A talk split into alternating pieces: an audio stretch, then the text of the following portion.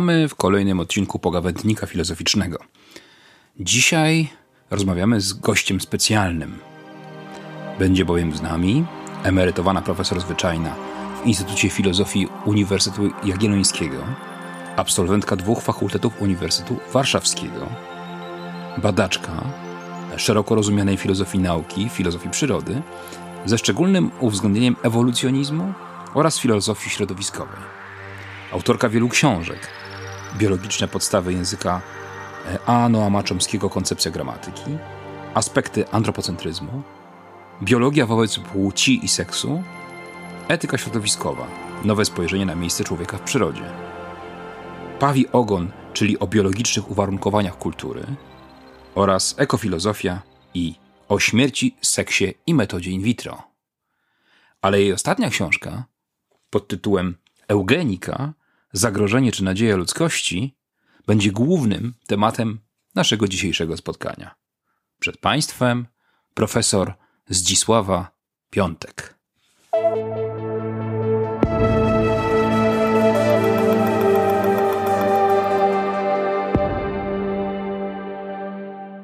Pani profesor, wyjdźmy od samego zamysłu książki.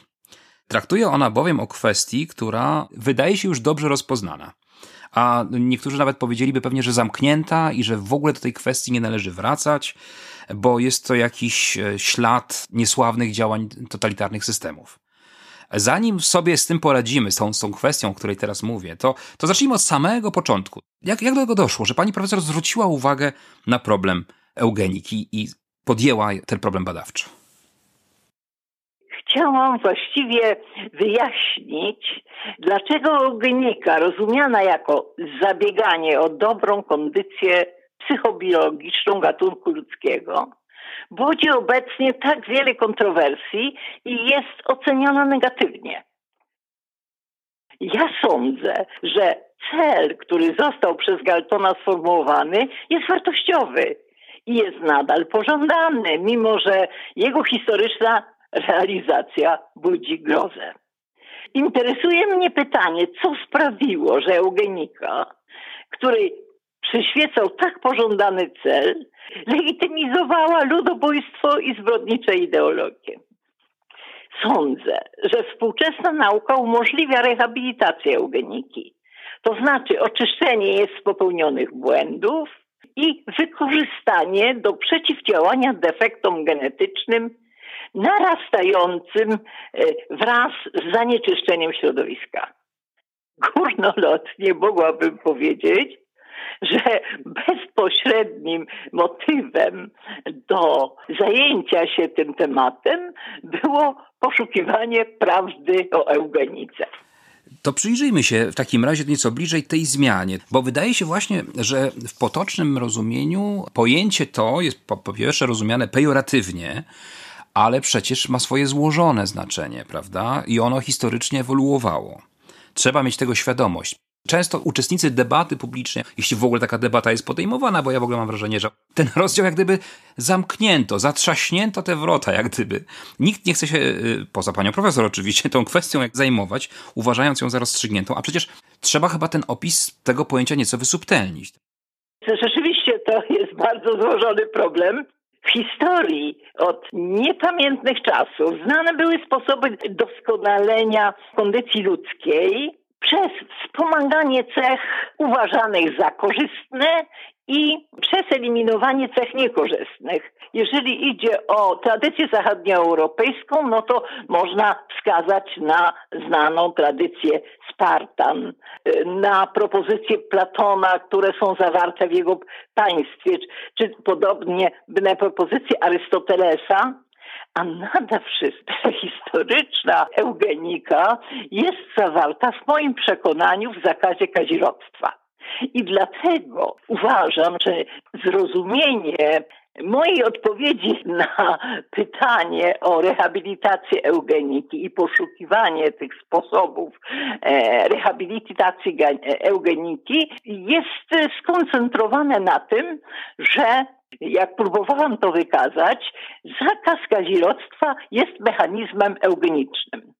To znaczy, Wprawdzie zakaz kazirodztwa nie eliminuje jakichś konkretnych genów z ludzkiej populacji, ale eliminuje fenotypowe efekty wadliwych genów. Przez to, że, że zwiększa heterozygotyczność populacji, to eliminuje, utrudnia efekty, przejawianie się fenotypowe wadliwych genów. I w związku z tym ten zakaz, który jest obecny we wszystkich kulturach od zarania dziejów, wyraża te cele eugeniczne z mojego punktu widzenia w postaci różnorodnych norm, nakazów i zakazów kulturowych. Jeżeli w ten sposób rozumiemy eugenikę, to nie można powiedzieć, że, że eugenikę wymyślili naziści, ani nawet, że wymyślił ją Galton. Znając te dążenia y, w poszukiwaniu sposobów udoskonalenia rodzaju ludzkiego, Galton chciał tworzyć naukowe podstawy eugeniki. I w związku z tym e, na Uniwersytecie Londyńskim e, pod koniec XIX wieku stworzył profesjonalną katedrę eugeniki. To była pierwsza na świecie profesjonalna katedra eugeniki. Próbował wobec tego doprecyzować e, pojęcie eugeniki, poprzez takie jej rozumienie, że eugenika ma na celu pomnażanie ludzi uzdolnionych, obdarzonych dobrymi genami, to znaczy eugenes, oraz zmniejszanie liczebności ludzi obarczonych wadami. W związku z tym można powiedzieć, że cele eugeniczne miały być osiągane przez dobrowolne ograniczenie rozrodczości wśród osób dziedzicznie obciążonych na podstawie poradnictwa eugenicznego, na podstawie oczywiście wiedzy. Galton także zadał sobie pytanie, w jaki sposób właśnie te cechy pożądane czy też niepożądane wędrują przez pokolenia żeby odpowiedzieć na to pytanie, prześledził historię znanych rodów arystokratycznych, w których okazało się, że pewne cechy takie jak uzdolnienia, e, e, inwencja twórcza, e, prawość, prawda, moralna przekazują się z pokolenia na pokolenie i także prześledził rody, w których e, z pokolenia na, na pokolenie przekazywały się skłonności do, e, do przestępstwa, a także badał e, bliźnięta jednojajowe.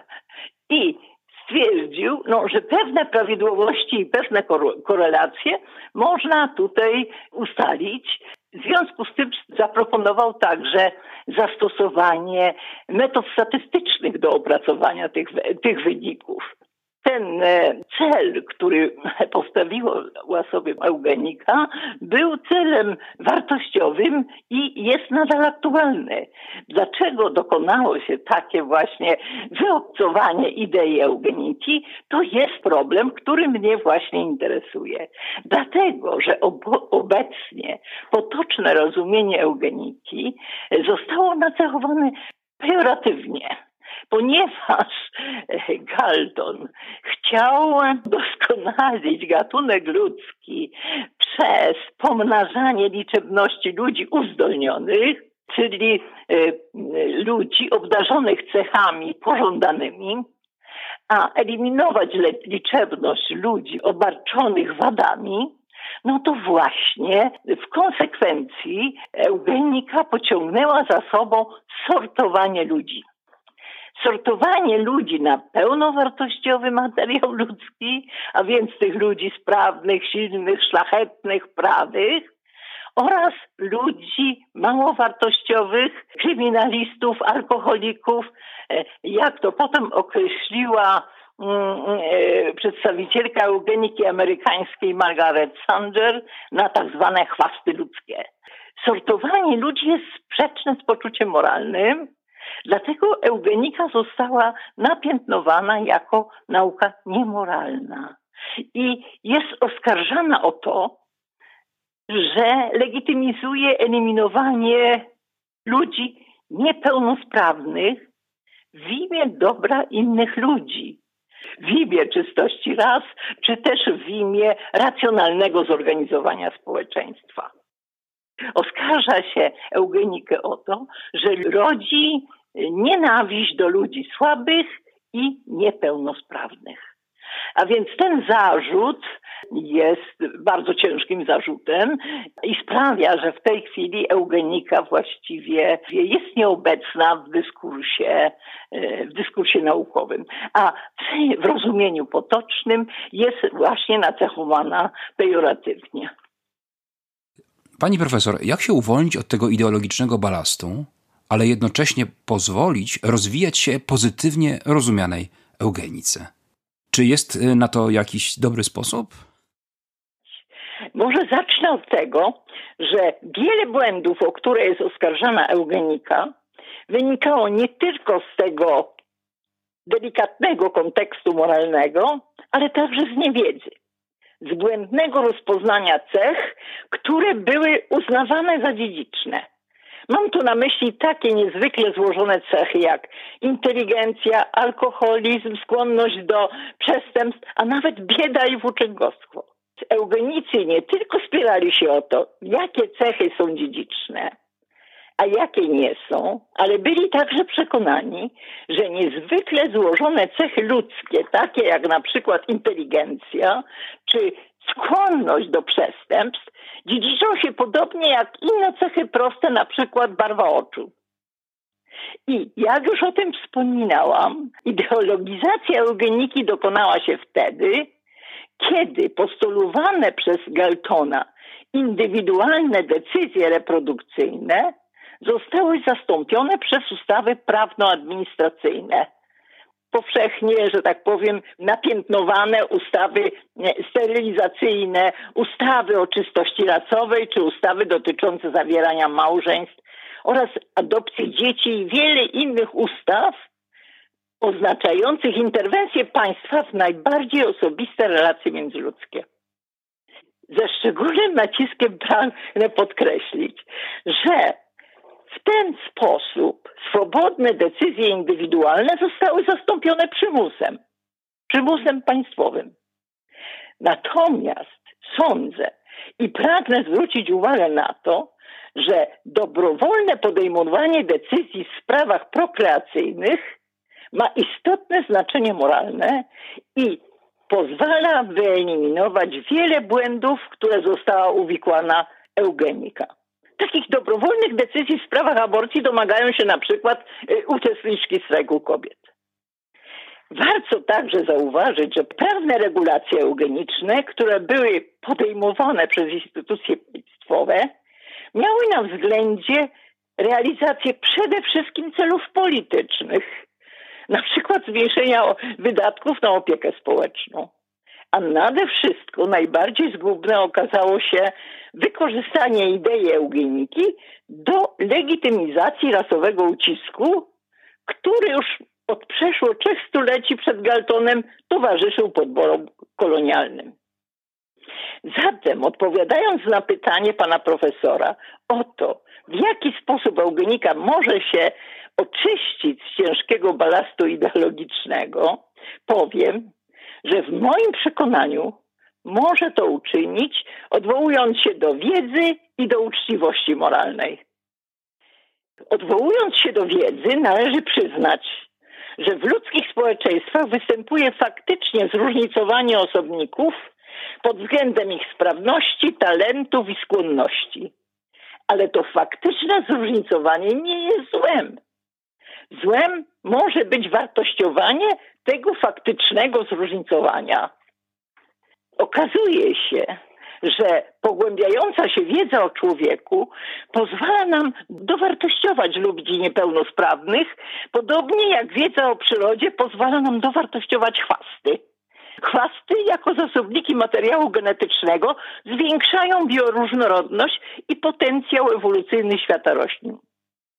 Osobniki niepełnosprawne sprzyjają różnorodności gatunku ludzkiego i mogą się przyczynić do rozwoju nauki, kultury i sztuki. Tak więc wiedza o mechanizmach funkcjonowania świata zmienia stosunek pełnosprawnych do niepełnosprawnych, A wiedza z zakresu eugeniki zapobiegawczej, wzbogacona osiągnięciami z dziedziny inżynierii genetycznej i terapii genowej, nie jest źródłem przemocy wobec słabych, lecz źródłem działań zmierzających do tego, jak słabych uczynić mocnymi, jak sprawić, żeby mogli godziwie żyć. Tak więc przemoc wobec słabych, którą stosowały instytucje państwowe, powołując się na prawo do realizacji celów eugenicznych, w zamyśle Galtona miały być osiągane przez dobrowolne decyzje na poziomie indywidualnych relacji międzyludzkich. I to przeniesienie realizacji celów eugenicznych z poziomu indywidualnych oraz dobrowolnych decyzji na poziom ustawowo określonych decyzji państwowych było źródłem przymusu i wyobcowania idei eugenicznych. Takie jest moje przekonanie. A odradzająca się eugenika, wykorzystując procedury zapłodnienia in vitro i monitoring genetyczny, pozwala ludziom obciążonym wadliwymi gadami posiadać zdrowe potomstwo, o ile dobrowolnie zechcą skorzystać z tej procedury. Tak więc na pytanie, jak może się rozwijać eugenika, odpowiem, że może to uczynić nie przez sterylizację osób obciążonych wadliwymi genami, lecz przez selekcję preembrionów. W procesie zapłodnienia in vitro można wybrać preembriony, czyli zarodki zaledwie po kilku podziałach, które nie zawierają wadliwych genów i po implantacji w macicy rodzice obciążeni wadliwymi genami mogą jednak posiadać zdrowe dziecko. Dzięki tej metodzie dziecko mogą także posiadać rodzice obciążeni wadą bezpłodności, wadą, która pojawia się coraz częściej w ludzkiej populacji na skutek zanieczyszczenia środowiska różnymi substancjami osłabiającymi i niszczącymi plemniki. Ale po to, żeby tak rozumiana eugenika mogła się rozwijać, to obok wiedzy potrzebna jest uczciwość moralna, czyli otwartość na wykorzystanie wiedzy w podejmowanych ocenach i decyzjach moralnych. Nie można zygoty nazywać dzieckiem, a zamrożonych zarodków zamrożonymi ludźmi. Ani też nie można w świetle wiedzy, jaką współcześnie dysponujemy, traktować selekcji preembrionów jako przejawu neomengelizmu. Współczesna nauka udowodniła, że od momentu zapłodnienia zygota zawiera w swoim genomie kompletną informację genetyczną, czyli program człowieka. Program, który może się stopniowo zrealizować w oddziaływaniu ze środowiskiem w trakcie embriogenezy. Inaczej mówiąc, zygota stopniowo staje się człowiekiem. Wiemy, że ani w zygocie, ani w plemniku, ani też w komórce jajowej nie ma małego homunculusa, który w procesie embriogenezy jedynie powiększa swoje rozmiary. Tak więc eugenika oczyszczona z błędów przeszłości odwołuje się do indywidualnych decyzji reprodukcyjnych, traktując je jako decyzje autonomicznych i rozumnych podmiotów ludzkich. Można powiedzieć, że czyni to zgodnie ze sztandarowymi hasłami obecnymi na strajku kobiet. Myślę, czuję, decyduję. Rozpoznając te autonomiczne decyzje, eugenika uznaje jako moralnie godziwe preferencje do posiadania zdrowego potomstwa. A realizacja tego pragnienia sprzyja dobrej kondycji psychobiologicznej rodzaju ludzkiego. A to właśnie jest ten istotny cel eugeniki. Preferencje do posiadania zdrowego potomstwa nie oznaczają jednak, że w przypadku narodzin dziecka obciążonego wadami nie kochamy go, ani nie otaczamy troskliwą opieką. Preferencje oznaczają, że każda matka uczyni wszystko, co jest w jej mocy, żeby urodzić zdrowe dziecko skorzysta z monitoringu genetycznego. A jeżeli rodzina jest obciążona schorzeniami uwarunkowanymi genetycznie, to może skorzystać z poradnictwa genetycznego i procedury in vitro, która umożliwia jej urodzenie zdrowego dziecka. W rozwoju eugeniki bardzo ważną rolę odgrywa także język. A to znaczy funkcja wyrażania języka, która bywa nadużywana do celów propagandowych. Nie godzi się moduł o zdrowe dziecko nazywać modułami o dobrą jakość materiału ludzkiego. Równie mylące jest określenie cywilizacja śmierci. System moralno-prawny zmuszający kobiety do rodzenia dzieci z głębokimi wadami nie jest rozwijaniem cywilizacji życia, lecz cywilizacji śmierci. Tak więc w odpowiedzi na pytanie pana profesora, w jaki sposób eugenika może się nadal rozwijać, odpowiem, że eugenika rozwija się współcześnie, stosując na szeroką skalę procedury zapłodnienia in vitro, nie tylko jako procedury umożliwiające posiadanie zdrowych dzieci rodzicom obciążonym wadliwymi genami, warunkującymi choroby dziedziczne. Obecnie zidentyfikowano przeszło 1500 takich chorób, ale także jako procedury leczenia bezpłodności. Jak już wcześniej zauważyłam, zjawisko bezpłodności zatacza coraz szersze kręgi ze względu na narastające zanieczyszczenie środowiska substancjami toksycznymi, takimi, które degradują męski chromozom płci i sprawiają, że drastycznie spada liczebność i jakość plemników. Nasilają się także wady w funkcjonowaniu żeńskich narządów rozrodczych. Dlatego też, mimo protestów i zastrzeżeń, które pojawiły się po pierwszej próbie zastosowania zapłodnienia in vitro u człowieka w roku 1987 przy udziale dwóch znakomitych Anglików, Edwardsa i Steptoe, ta metoda jest obecnie szeroko stosowana. W uzasadnieniu przyznania Nagrody Nobla Edwardsowi w roku, w roku 2010 podano do wiadomości, że dzięki tej metodzie od 1987 roku do 2010 roku urodziło się na świecie milion czterysta tysięcy dzieci poczętych tą metodą. Sądzę, że obecnie w 2021 roku będzie to kilka milionów wyczekiwanych dzieci. Eugenika wobec tego, działając na zasadzie swobodnego wyboru, ma na celu dobro rodziny, a nie interesy państwa o określonym profilu światopoglądowym. W otwartych społeczeństwach żyją obok siebie ludzie o różnych światopoglądach. I jeżeli niektórzy z nich nie chcą korzystać z dobrodziejstwa eugeniki, to niech nie będzie ich do tego przymuszał. Jeżeli są tacy, którzy kochają dzieci z zespołem Downa, to inni powinni im pomóc w opiece nad nimi. Ale ci, którzy kochają dzieci z zespołem Downa, nie mogą przymuszać innych do rodzenia takich dzieci, powołując się na racje dogmatyczne zawarte w religii. I właśnie na tej swobodzie decyzji prokreacyjnych polega wolność i autonomia osoby ludzkiej. Powiedzmy y, może naszym słuchaczom, że, że książka pani profesor, y, przypomnę tytuł Eugenika, Zagrożenie czy Nadzieja ludzkości, ukazała się w serii, wydawałoby się niepasującej do zagadnienia, bo serii, która się nazywa Miniatury etyczne. I od razu też powiedzmy, bo w radiu tego niestety nie widać, że książeczka rzeczywiście jest nieduża. Czy to był celowy zabieg, pani profesor, żeby, żeby nie tyle pisać jakiś sążnisty traktat, tylko dać czytelnikowi jakiś taki zwarty i swoiście poręczny przekaz, być może nawet takiemu czytelnikowi niewyrobionemu, czytelnikowi, który sięgnie po tę książkę nie z pobudek akademickich, ale ze zwykłej ciekawości. Czy, czy to był, rozumiem, świadomy pewien y, zamysł pani profesor?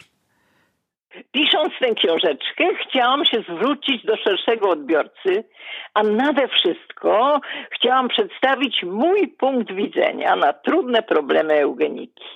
Pisząc pracę w celu zdobycia stopni naukowych, należy w nich unikać wyrażania osobistych przekonań. Prace naukowe pisze się bezosobowo.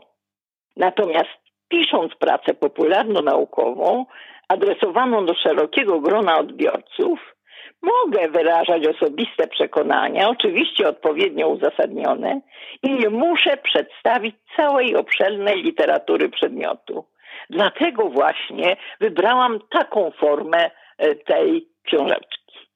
pisząc ją, starałam się objaśnić wszystkie trudne pojęcia w taki sposób, żeby jej treść była zrozumiała dla każdego, kto zdał maturę.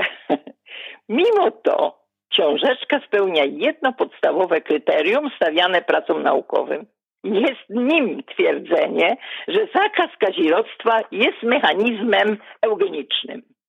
Nie znam nikogo, kto wcześniej e, sformułowałby taki pogląd. Konsekwencje tego twierdzenia są niebagatelne, gdyż mechanizmy eugeniczne działające jako zakaz kazirodztwa chronią gatunek ludzki przed degeneracją i działają analogicznie jak mechanizmy zapobiegające endogamii w świecie zwierząt i samozapyleniu w świecie roślin. Tak więc zakaz kazirodztwa, rozumiany jako mechanizm eugeniczny, pozwala odkryć wspólnotę gatunku ludzkiego ze wszystkim, co żyje. Podzielam także przekonanie Stephena Hawkinga i wielu wybitnych popularyzatorów nauki, że na obecnym etapie ludzkich dziejów nauka przestaje być przywilejem elit. Osiągnięcia naukowe stają się przedmiotem debaty publicznej. Mamy obecnie takie debaty o zasięgu globalnym na temat efektu cieplarnianego, praw kobiet, demokracji, praw zwierząt, a nade wszystko dominującą obecnie debatę na temat wirusów. Iluż wybitnych specjalistów wypowiada się obecnie na temat wirusologii, immunologii i działania szczepionek. Nie są to lekcje na salach wykładowych i widać, jak trudno jest mówić w sposób zrozumiały dla wszystkich. Im większy specjalista, tym jest mu trudniej. I jak to trafnie określił Stephen Hawking, ludzie poszukują krótkich odpowiedzi na wielkie pytania i seria miniatury etyczne włącza się w realizację tego wielkiego celu. I na tym polega jej e, doniosła rola. Książka ukazała się już jakiś czas temu, chociaż wciąż jest jeszcze bardzo świeża, więc prawdopodobnie spotkała się już z pewną reakcją. Czy, czy ma pani profesor jakieś sygnały o tym, że jest y, jakaś recepcja tego, no jednak dość odważnego pomysłu pani profesor? Muszę powiedzieć, że książeczka ukazała się tuż przed wybuchem pandemii, więc jakiejś takiej dyskusji publicznej na temat problemów, które zostały w niej poruszone, nie było. Była zaplanowana promocja książeczki na Uniwersytecie w Toruniu. Była też zapowiedziana dyskusja nad problemami poruszonymi w tej książeczce w takim krakowskim klubie dyskusyjnym Biesiada Filozoficzna, który gromadzi e, przedstawicieli e, filozofii i studentów różnych, prawda, uczelni krakowskich. Niestety ta dyskusja zaplanowana na maj nie odbyła się. Natomiast ukazała się bardzo dobra recenzja w Acta Medicorum Polonorum wydawane przez Poznańską Izbę Lekarską i została napisana przez doktorantkę profesora Konstańczaka, która wydaje mi się e, pracuje nad doktoratem na temat e, eugeniki. E, jest to bardzo merytorycznie poprawna i kompetentnie napisana recenzja przez panią Słoniewską. Ja oczywiście wysłałam egzemplarze autorskie moim znajomych, ale wysyłałam książeczkę ludziom, którzy myślą podobnie jak ja. Mam wobec tego pozytywne opinie, ale nie wiem, czy one są reprezentatywne, ponieważ, jak mówię, książeczkę wysyłałam ludziom, którzy myślą podobnie jak ja. Jestem pewna, że moja interpretacja eugeniki idzie e, pod prąd poglądom, które we współczesnych kręgach społecznych w Polsce obowiązują, ale nie znam jeszcze reakcji ze względu na, na świeżość, że tak powiem, tej problematyki i na to, że nie było żadnej otwartej debaty publicznej na jej temat. Mam nadzieję, że nasza rozmowa troszeczkę się przyczyni do tej popularyzacji i otworzy nowe kanały debaty na ten temat. Ale proszę pozwolić, że na końcu zapytam jeszcze o kwestię, no chyba bardzo aktualną, bo oto rzeczywistość, otoczenie też jakieś postscripte dopisuje do książki pani profesor. E, jak pani profesor pewnie słyszała, na początku stycznia tego roku, czyli całkiem niedawno, władze Uniwersytetu Londyńskiego, jak podał e, Guardian, wyraziły głębokie ubolewanie z powodu swojej roli w propagowaniu eugeniki, odwołując się tu do Zigaltonowskiej, no i, i um, sformułowały, tutaj zacytuję, obietnicę poprawy warunków dla niepełnosprawnych pracowników i studentów oraz zobowiązanie do nadania większego znaczenia nauczaniu szkodliwego dziedzictwa zdyskredytowanego ruchu. Czy to nie jest wyraz pewnego nieporozumienia e, i pewnego zideologizowania tej dyskusji, która chyba jakieś, na jakieś dziwne tory wkroczyła? Jak pani profesor zareagowała na to, na, na to doniesienie? Deklaracja społeczności akademickiej Uniwersytetu Londyńskiego ma charakter przepraszająco potępiający. Z mojego punktu widzenia jest desperackim aktem wyparcia się historii i napiętnowaniem Galtona, który założył e, na tej uczelni pierwszą na świecie profesjonalną katedrę eugeniki, a także napiętnowaniem jego następców. Władze uniwersytetu przepraszają za to, że ich uczelnia odegrała niechlubną rolę w propagowaniu eugeniki, postrzeganej jako skompromitowana ideologia, która inspirowała tak wiele zła tak liczne przejawy zła jak rasowy ucisk, antysemityzm, e, dyskryminację niepełnosprawnych, przymusową eutanazję, a nawet podboje kolonialne. Pragnę zwrócić uwagę, że cały ideologiczny kontekst, w który została uwikłana eugenika Galtona, zostaje w tej deklaracji potraktowany jako jej elementy programowe tak jakby to były elementy programowe eugeniki w rozumieniu Galtona. W ten sposób wynaturzona eugenika pozostaje w sprzeczności oczywiście z podstawowymi ideami głoszonymi przez Uniwersytet Londyński, takimi jak równość, otwartość czy humanizm. Dlatego też Wspólnota akademicka podejmuje działania, które mają stanowić zadośćuczynienie za historyczne związki z ruchem eugenicznym. I to zadośćuczynienie ma trzy wymiary. Po pierwsze, jest to polepszenie warunków studiowania dla niepełnosprawnych studentów, gdyż społeczność kocha niepełnosprawnych i uznaje, e, że nie ma przewagi pełnosprawnych nad niepełnosprawnymi. Poza tym dokonują zmiany nazwy sal wykładowych i budynków noszących imię Franciszka Galtona i jego następców. A także, co pragnę z naciskiem podkreślić, fundują stypendia i deklarują utworzenie placówki badawczej nad rasizmem oraz historią i dziedzictwem eugeniki.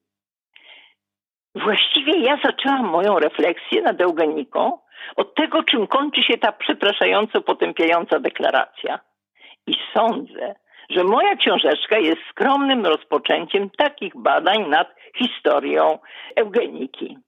Jak już o tym wspominałam na początku tej rozmowy, pogłębiająca się wiedza o człowieku pozwala dowartościować ludzi niepełnosprawnych którzy wnoszą swój wkład w dorobek kulturalny ludzkości i zwiększają bioróżnorodność gatunku. Kto wie, jakie cechy okażą się przystosowawcze w przebiegu ewolucji hominidów? Sądzę, że dobrostan ludzi niepełnosprawnych zależy właśnie od tego, że istnieją sprawni, którzy wypracują środki i zadbają o to, żeby mogli żyć w dobrostanie. Wydaje mi się, że ten wymiar relacji niepełnosprawnych z pełnosprawnymi jest w ogóle nieobecny w tej deklaracji i niedostrzegany przez społeczność akademicką. Wiemy dobrze, że rozpoznanie i zmiana oceny statusu ludzi niepełnosprawnych w imię poprawności politycznej, która się dokonuje w ten sposób, że właściwie nie używa się określenia niepełnosprawne, tylko sprawne inaczej. Jest pewnym zadośćuczynieniem i y, rozumiem, że ma w jakiś sposób y, podkreślać zmianę nastawienia do ludzi niepełnosprawnych. Ale faktycznie dowartościowanie e, niepełnosprawności dokonuje się dzięki nauce, właśnie dzięki odkryciu roli różnorodności w przypadku gatunku, który ewoluuje także w wymiarze kulturowym.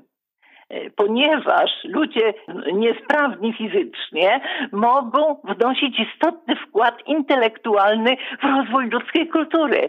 I widać, że tak się dzieje. Można przytoczyć liczne przykłady, a ostatnio, no takim bardzo wybitnym i znakomicie tutaj przystającym do tej argumentacji przykładem był Stephen Hawking.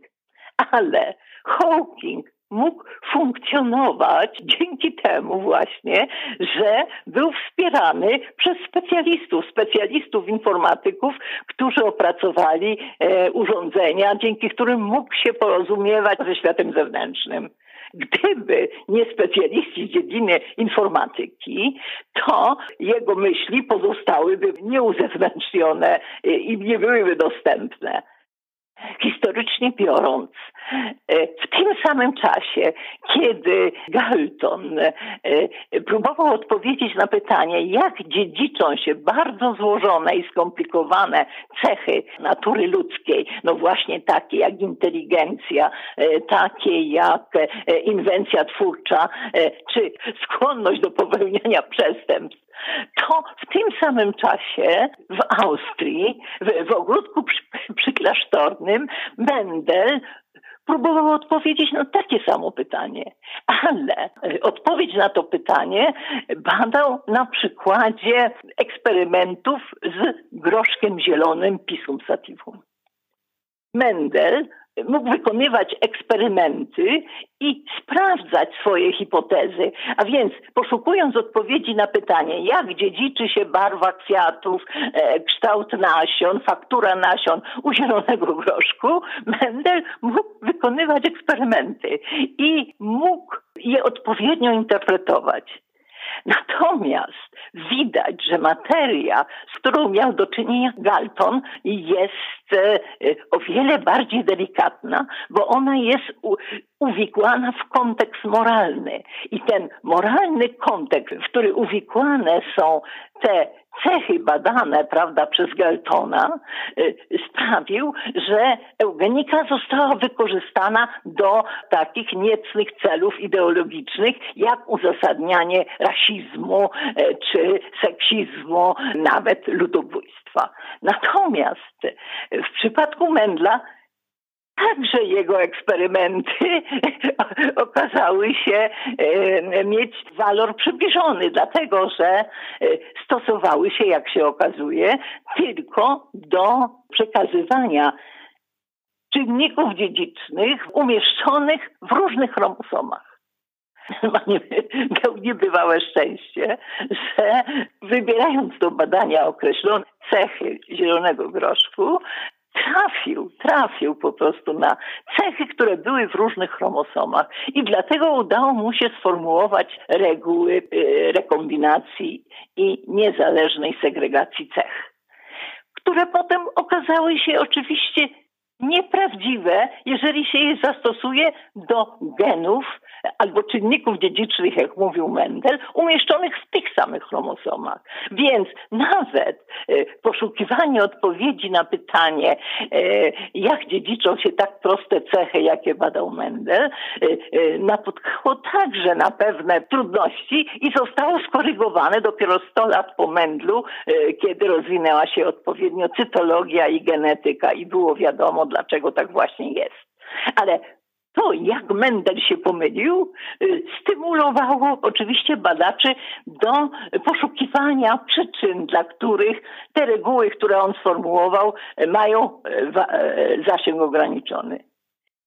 Chcę powiedzieć, że przecież, jak dobrze wiemy z historii łysenkoizmu, to nawet badania bardzo neutralnych, prostych cech zielonego groszku okazało się, że miały kontekst ideologiczny. W momencie, w którym dyskretny charakter genów okazał się być sprzeczny z, dialektyczną koncepcją organizmu. Mendel wykazał, że e, cechy, które się, są przekazywane z pokolenia na pokolenie, e, e, dziedziczą się w sposób, że tak powiem, niezależny i wobec tego w jakimś sensie naruszały koncepcję o dialektycznej jedności organizmu, że w organizmie są jakieś niezmienne czynniki, które wędrują, wędrują przez pokolenia w sposób, w sposób niezależny od od reszty organizmu, co oczywiście było źródłem potępienia przecież genetyki mędrowsko-weissmanowskiej w Związku Radzieckim i wpłynęło także właśnie negatywnie na rozwój genetyki w tym rejonie świata ale jak wiemy, nauka się oczyszcza i samo koryguje i dzisiaj dokładnie wiemy, dlaczego zakres prawdziwości reguł odkrytych przez Mendla był ograniczony. E, podsumowując, wyrażę przekonanie, że eugenika może się oczyścić ze zgubnego balastu ideologicznego, podobnie jak teoria Darwina oczyściła się z ideologii społecznego darwinizmu. Okazało się, że Darwin e, przecenił rolę walki o byt. Dokładniejsze badania odkryły istotną rolę altruizmu i różnych strategii współdziałania w przebiegu ewolucji z hominidów. Sądzę, że w ten sam sposób eugenika może się także oczyścić ze zgubnych ideologii, takich jak na przykład polityka higieny ras. Dokładniejsze rozpoznanie mechanizmów dziedziczenia, do których odwołuje się eugenika, pokazują, że polityka czystości rasowej na dalszą metę prowadzi do degeneracji. Okazuje się, że to mieszańce są bardziej żywotne i odporne na niekorzystne zmiany w środowisku. Twierdzenie, że siła narodu wynika z jego czystości rasowej, okazuje się błędne. Adaptacyjna wartość bioróżnorodności sprzyja właśnie koegzystencji pełnosprawnych z niepełnosprawnymi. A nowoczesne metody wykorzystywane przez eugenikę, takie jak in vitro czy terapia genowa, umożliwiają eliminację wadliwych genów bez sterylizacji eugenika oparta na swobodnych decyzjach prokreacyjnych nie stosuje przemocy.